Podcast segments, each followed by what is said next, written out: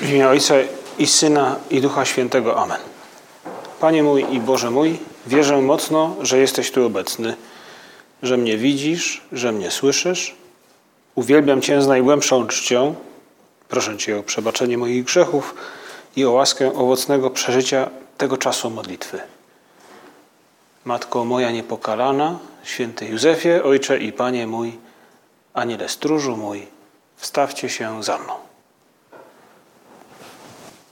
Dziś na mszy świętej usłyszeliśmy Ewangelię o krzewie winnym. O krzewie, którego częścią jest każdy z nas jako chrześcijanin. Jezus Chrystus, który identyfikuje się z, z krzewem, pniem, e, wspaniałą rośliną, która przekazuje ożywcze soki każdej ze swoich gałęzi. Ja jestem krzewem winnym, wy latoroślami. Kto trwa we mnie, a ja w nim, ten przynosi owoc obfity, ponieważ beze mnie nic nie możecie uczynić.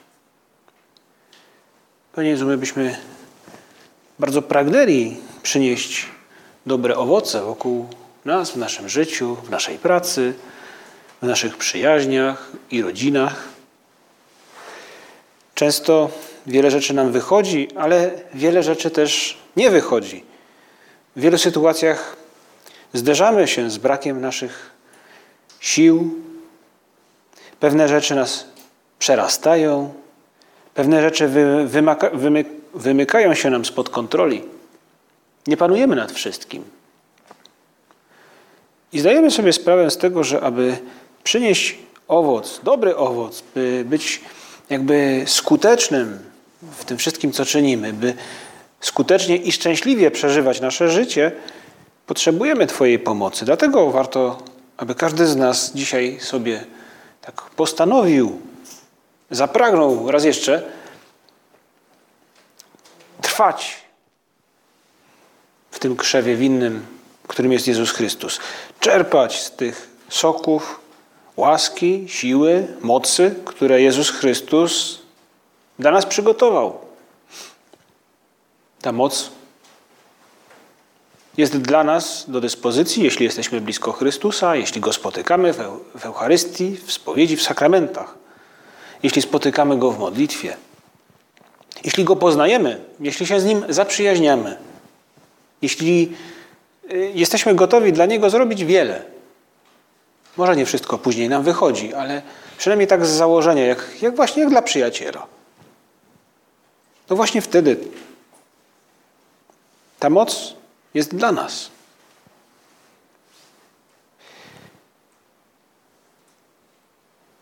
I dzisiaj stają przed nami dwa przykłady. A może jeden przykład, tylko że dwóch ludzi, dwóch osób, którzy przynieśli owoc obfity.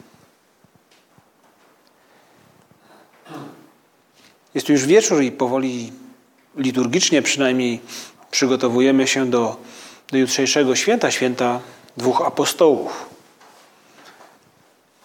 Filipa i Jakuba, Jakuba i Filipa. Takie postacie pomagają nam e, jakby zrozumieć, poczuć też, zobaczyć życie, które warto byłoby przeżyć. No nie tylko apostołowie, też takie Tacy ludzie, których szanujemy, czy których podziwiamy jakoś po ludzku, w naszych rodzinach, czy znajomi, może szczególnie ci starsi, człowiek tak patrzy i mówi, to jest życie, które warto było przeżyć. To jest, tak w języku takim biblijnym byśmy powiedzieli, e, właśnie to jest ktoś, kto, no, kto przyniósł owoc obfity. I choć na co dzień tak nie mówimy, bo to byłoby dziwaczne, to jednak pomyśleć o tym w ten sposób warto, w takim kontekście naszej rozmowy z Panem Jezusem i właśnie w kontekście też tego biblijnego porównania. Patrząc na dwóch apostołów, każdy z nas może znaleźć jakiś punkt zaczepienia dla siebie. Bo my widzimy, jak oni skończyli. Trudniej nam jest wyobrazić sobie, jak do tego doszli. Ale jednak każdy z nas, spoglądając na każdy z tych dwóch przykładów, coś dla siebie odnaleźć może. Święty Jakub, nazywany młodszym, dlatego że później został powołany, To ten, który stał na czele kościoła w Jerozolimie, pochodził z Nazaretu, był krewnym Pana Jezusa. Jest też autorem listu, no, autorem listu Jakuba. Rozpoczyna w ten sposób. Jakub, sługa Boga i Pana Jezusa Chrystusa, ślepo zdrowienia dwunastu pokoleniom w rozproszeniu. I może to może nam posłużyć dzisiaj na początku naszej modlitwy właśnie do tego, by, by, by zapragnąć być jak On. Być sługą, sługą Boga. Być kimś, kto chce oddawać Bogu chwałę. Kto chce być dla Pana Boga jakby do dyspozycji. By uczynić, by wypełnić Jego wolę. By uczynić to, na czym Mu zależy. Jak Jakub, który w tym swoim liście szczególnie pisze o takiej trosce, trosce e, wobec pierwszych chrześcijan, by byli wierni Chrystusowi.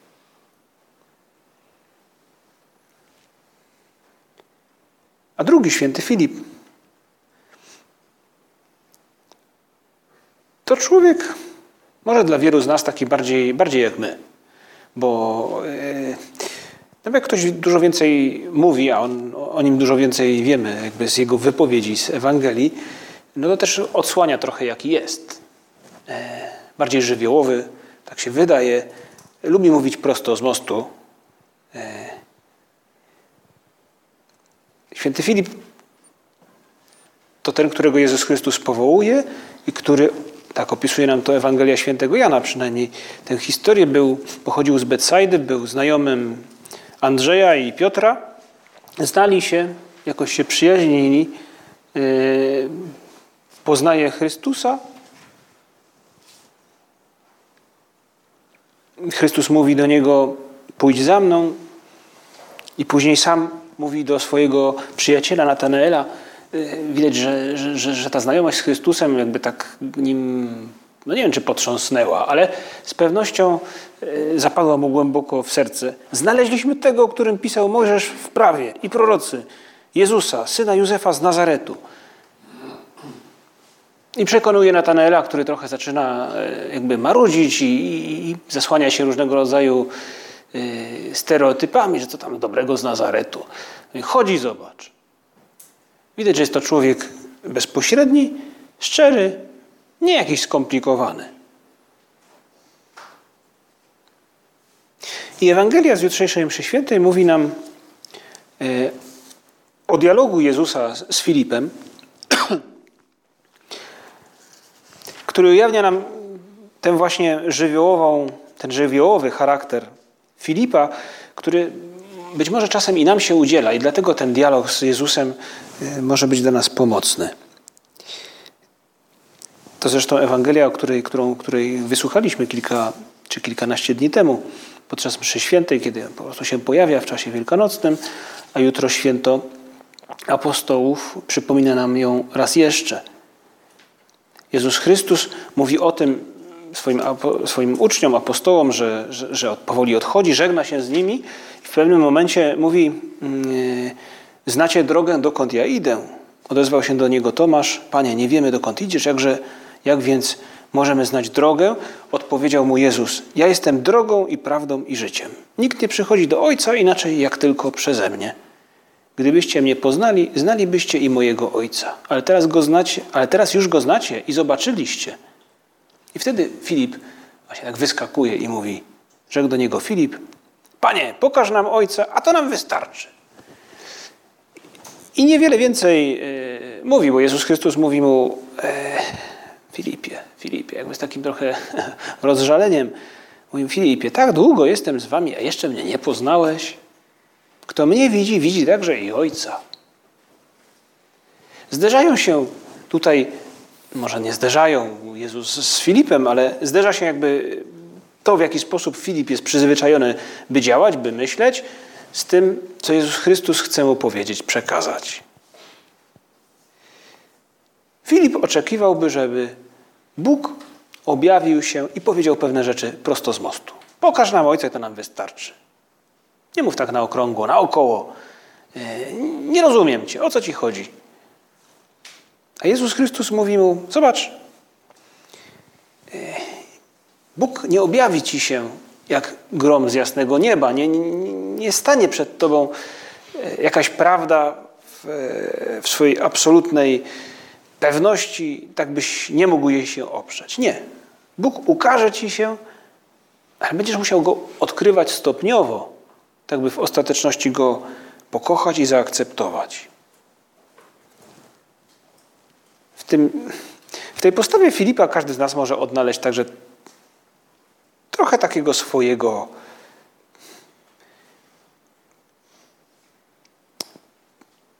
takiej swojej tendencji, by, by czasem iść na skróty. Możemy zapragnąć, tak jak Filip, mieć to gorące serce, yy, które potrafi powiedzieć: Znaleźliśmy tego, który, o którym pisał Mojżesz w prawie i w prorocy, Mesjasza, yy, chodź, za, chodź z nami za nim. Takie serce także chcielibyśmy mieć, ale może każdy z nas, oprócz tego serca, które kocha Jezusa, znajduje w sobie takie pragnienie czasem takiego lenistwa, yy, pójście na skróty. Niech mi Bóg coś powie bezpośrednio. Po co mam zaufać Bogu? E, wolałbym być przekonany przez Niego, tak od razu. E, dlaczego miałbym Boga jakby odkrywać, spoglądać? Niech On mi się ukaże. Nie mam ochoty poszukiwać drogi, tej drogi, o której mówi Jezus. Ja jestem drogą, prawdą i życiem. Po co te wszystkie ceregiele? I w Ewangelii, która dotyczy ludzi, spotkań Jezu, Jezusa z ludźmi, Widać wiele takich przypadków, przykładów, jak w tej historii z Filipem, który chciałby wszystko szybko i na teraz mieć podane na tacy. Ewangelia dotyczy ludzi. Tymi ludźmi jesteśmy my także. To jest nasza historia. Te ludzkie postawy zdarzają się i nam. Jezusa pytają, bo chcą, żeby pewne rzeczy ukazał natychmiast. Jaki znak uczynisz? Udowodnij, że jesteś Mesjaszem. Jezus żali się, że tyle znaków uczynił, a żadnemu z nich nie uwierzyli, bo nie chcieli. W Nazarecie żałowali, że nie uczynił żadnego znaku. Chcieli od razu. Słyszeli o tych innych, ale nie chcieli mu zaufać. Nawet w ostatnich chwilach Jezusa Chrystusa mówią mu: Ja nie zejdź teraz z krzyża, niech zejdzie z krzyża, niech pokaże, że jest Mesjaszem. Za tym wszystkim stoi jakieś, jakaś, jakaś taka jakby niechęć, niezdolność do tego, by szukać i by dostrzegać Boga.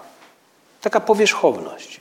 I ta powierzchowność zdarzyła się także Filipowi, może w tej chwili, bo wiem, że nie ostatecznie. Zdarza się innym postaciom z Ewangelii, którzy myślą bardzo po ludzku. To jest właśnie ten brak zaufania, brak wiary, brak spojrzenia nadprzyrodzonego. Taka, takie szybko do celu. Sam Filip jest tym, który w sytuacji, gdy brakuje, gdy jest wielu ludzi i trzeba ich jakoś nakarmić, yy, łapie się tylko. On wie, że ma obok siebie yy, wielkiego nauczyciela, Mesjasza, a mimo wszystko cały czas trzyma się kurczowo różnych ludzkich działań. Mówi, za 200 denarów nie wystarczy chleba, aby każdy z nich mógł choć trochę otrzymać. Widać, że ta przyjaźń z Jezusem jest na tyle mocna, by, by trwał przy nim, ale wciąż nie potrafi mu zaufać do końca. I to nasze spotkanie dzisiaj z Jakubem i z Filipem może nam pomóc Popatrzeć na taką właśnie postawę człowieka, w tym przypadku Filipa, ale też tych pozostałych innych osób, które w Ewangelii Jezusa spotykają i patrzą tak bardziej po ludzku, mogą, mogą nam pomóc te, te spotkania z nimi. Byśmy też pozwolili się Bogu nam objawiać stopniowo, zaprzyjaźniać, by Bóg, byśmy my z Bogiem potrafili zaprzyjaźniać się stopniowo, z wysiłkiem, a nie wszystko od razu e, cudownie. Pewnie wolelibyśmy, żeby Bóg mówił prosto z mostu. Pewnie wolelibyśmy odnajdywać odpowiedzi na wszystkie nasze pytania natychmiast. A czasem te pytania są poważne. Dlaczego ta trudność? Dlaczego to cierpienie? Czy coś się wydarzy? Czy potoczy się tak, jak na to jakby mam nadzieję? Czy tak, jak tego oczekuję?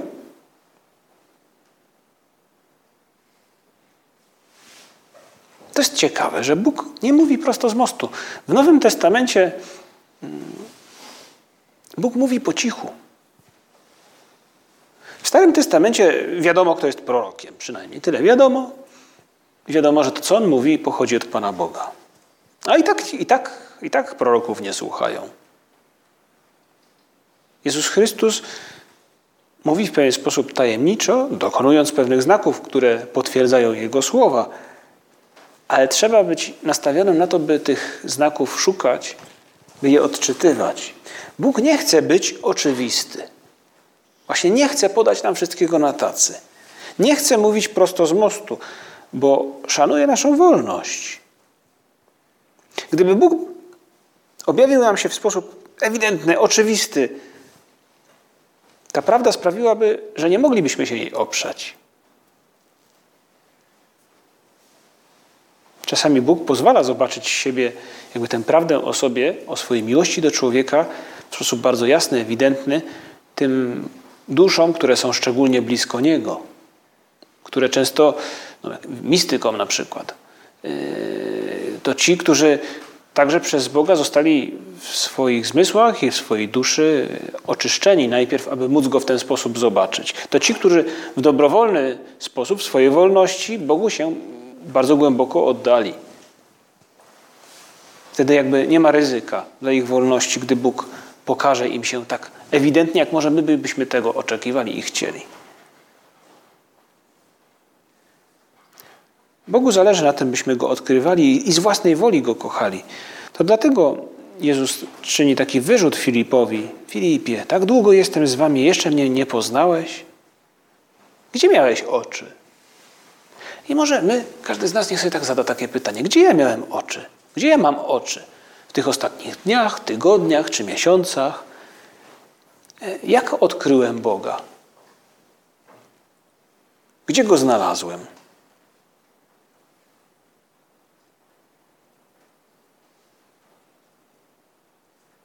Ta, e, to zdanie, czy ta, ta, to, to, co mówi Filip, Panie, pokaż nam Ojca, to nam wystarczy, to pokaż nam Ojca, powinno się w gruncie rzeczy odnosić do, naszego, do każdego naszego dnia.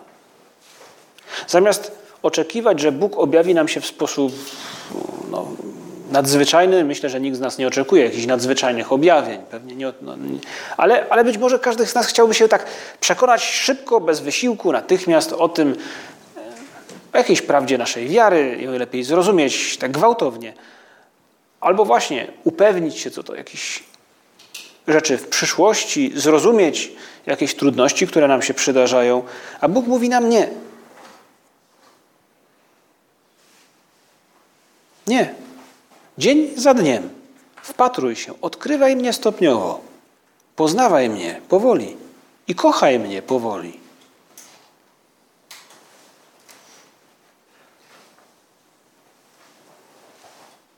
I tym odkrywaniem Boga powoli, czy jakby takim przeciwieństwem Filipa, który mówi: Chcę mieć to tutaj już teraz zobaczyć.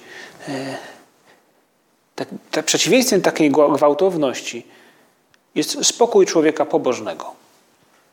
To jest właśnie pobożny człowiek. To jest człowiek, który potrafi wypatrywać Boga, odkrywać Go i kochać Go powoli. Ale codziennie, nie w nadzwyczajnych okolicznościach, które nie wiadomo, czy się wydarzą. Czy, czy... To jest przypadek ludzi często prostych, ale pobożnych i w ostateczności świętych.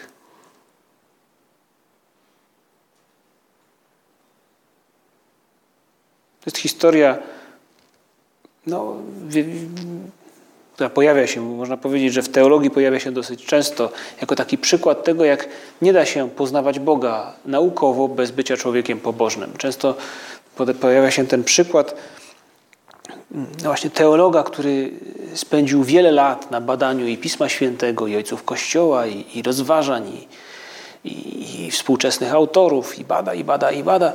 I w końcu dociera gdzieś jakby na, na szczyt tej wiedzy teologicznej, zbliża się, zgłębia Boga i gdy dociera na szczyt tej góry, okazuje się, że tam ktoś jest. I okazuje się, że jest to taka babcinka z kościoła, która, która no właśnie książek wielkich naukowców nie czytała, ale po prostu potrafiła kochać, kochać Pana Boga. Jest blisko Niego na tym szczycie.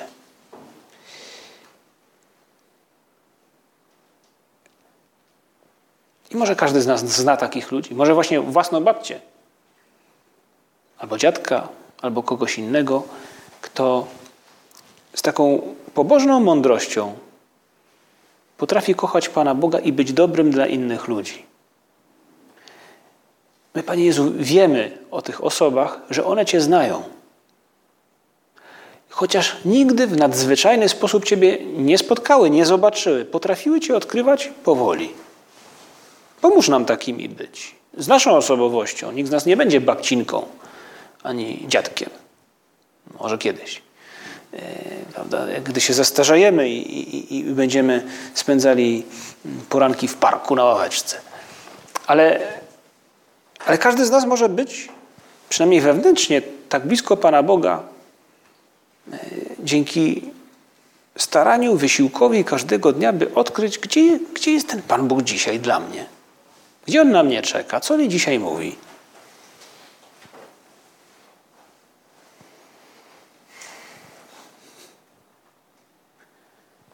Pobożność to jest sposób na to, by Boga codziennie odkrywać.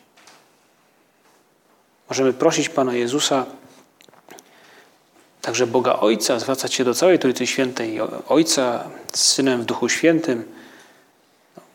Możemy tak mówić Jezusowi Chrystusowi, pomóż mi Panie Jezu zobaczyć Twoje oblicze.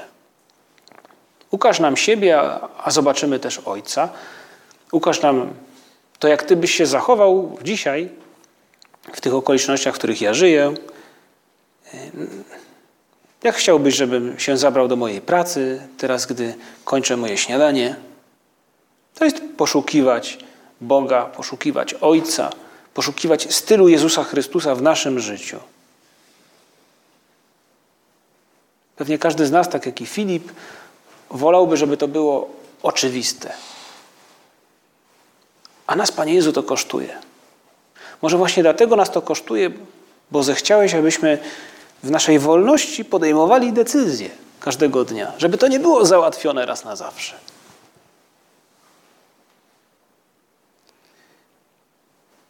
I odkrywanie Twojego oblicza w tym naszym codziennym życiu dzieje się właśnie przez pobożność. Pobożność w naszej pracy, w naszych zajęciach, czyli w tym odkrywaniu, jak zwykłe zajęcia są okazaniem Bogu miłości, ale też w, tych, w tym bezpośrednim zwracaniu się do Pana Boga od czasu do czasu. Mamy teraz maj, miesiąc Matki Bożej. To właśnie dobry czas na to, by ożywić nasz kontakt z Matką Jezusa. W taki sposób, w jaki każdy z nas, nie wiem, pragnie, umie, e, ma zwyczaj, bo chodzę na nabożeństwo majowe, bo sam sobie odmawiam litanie, bo odmawiam różaniec, albo postawiłem sobie na półce papierowy, zwykły taki obrazek Matki Bożej, ale właśnie ten, który mi się podoba. To jest właśnie pobożność, która nie jest nadzwyczajnym jakimś działaniem, e, e, przekraczającym jakieś normalne wydarzenia, ale jest sposobem na to, by by nasze myśli i nasze serce kierowały się ku, ku Panu Bogu, by, byśmy sobie przypominali, że mam kogo szukać i mam kogo kochać.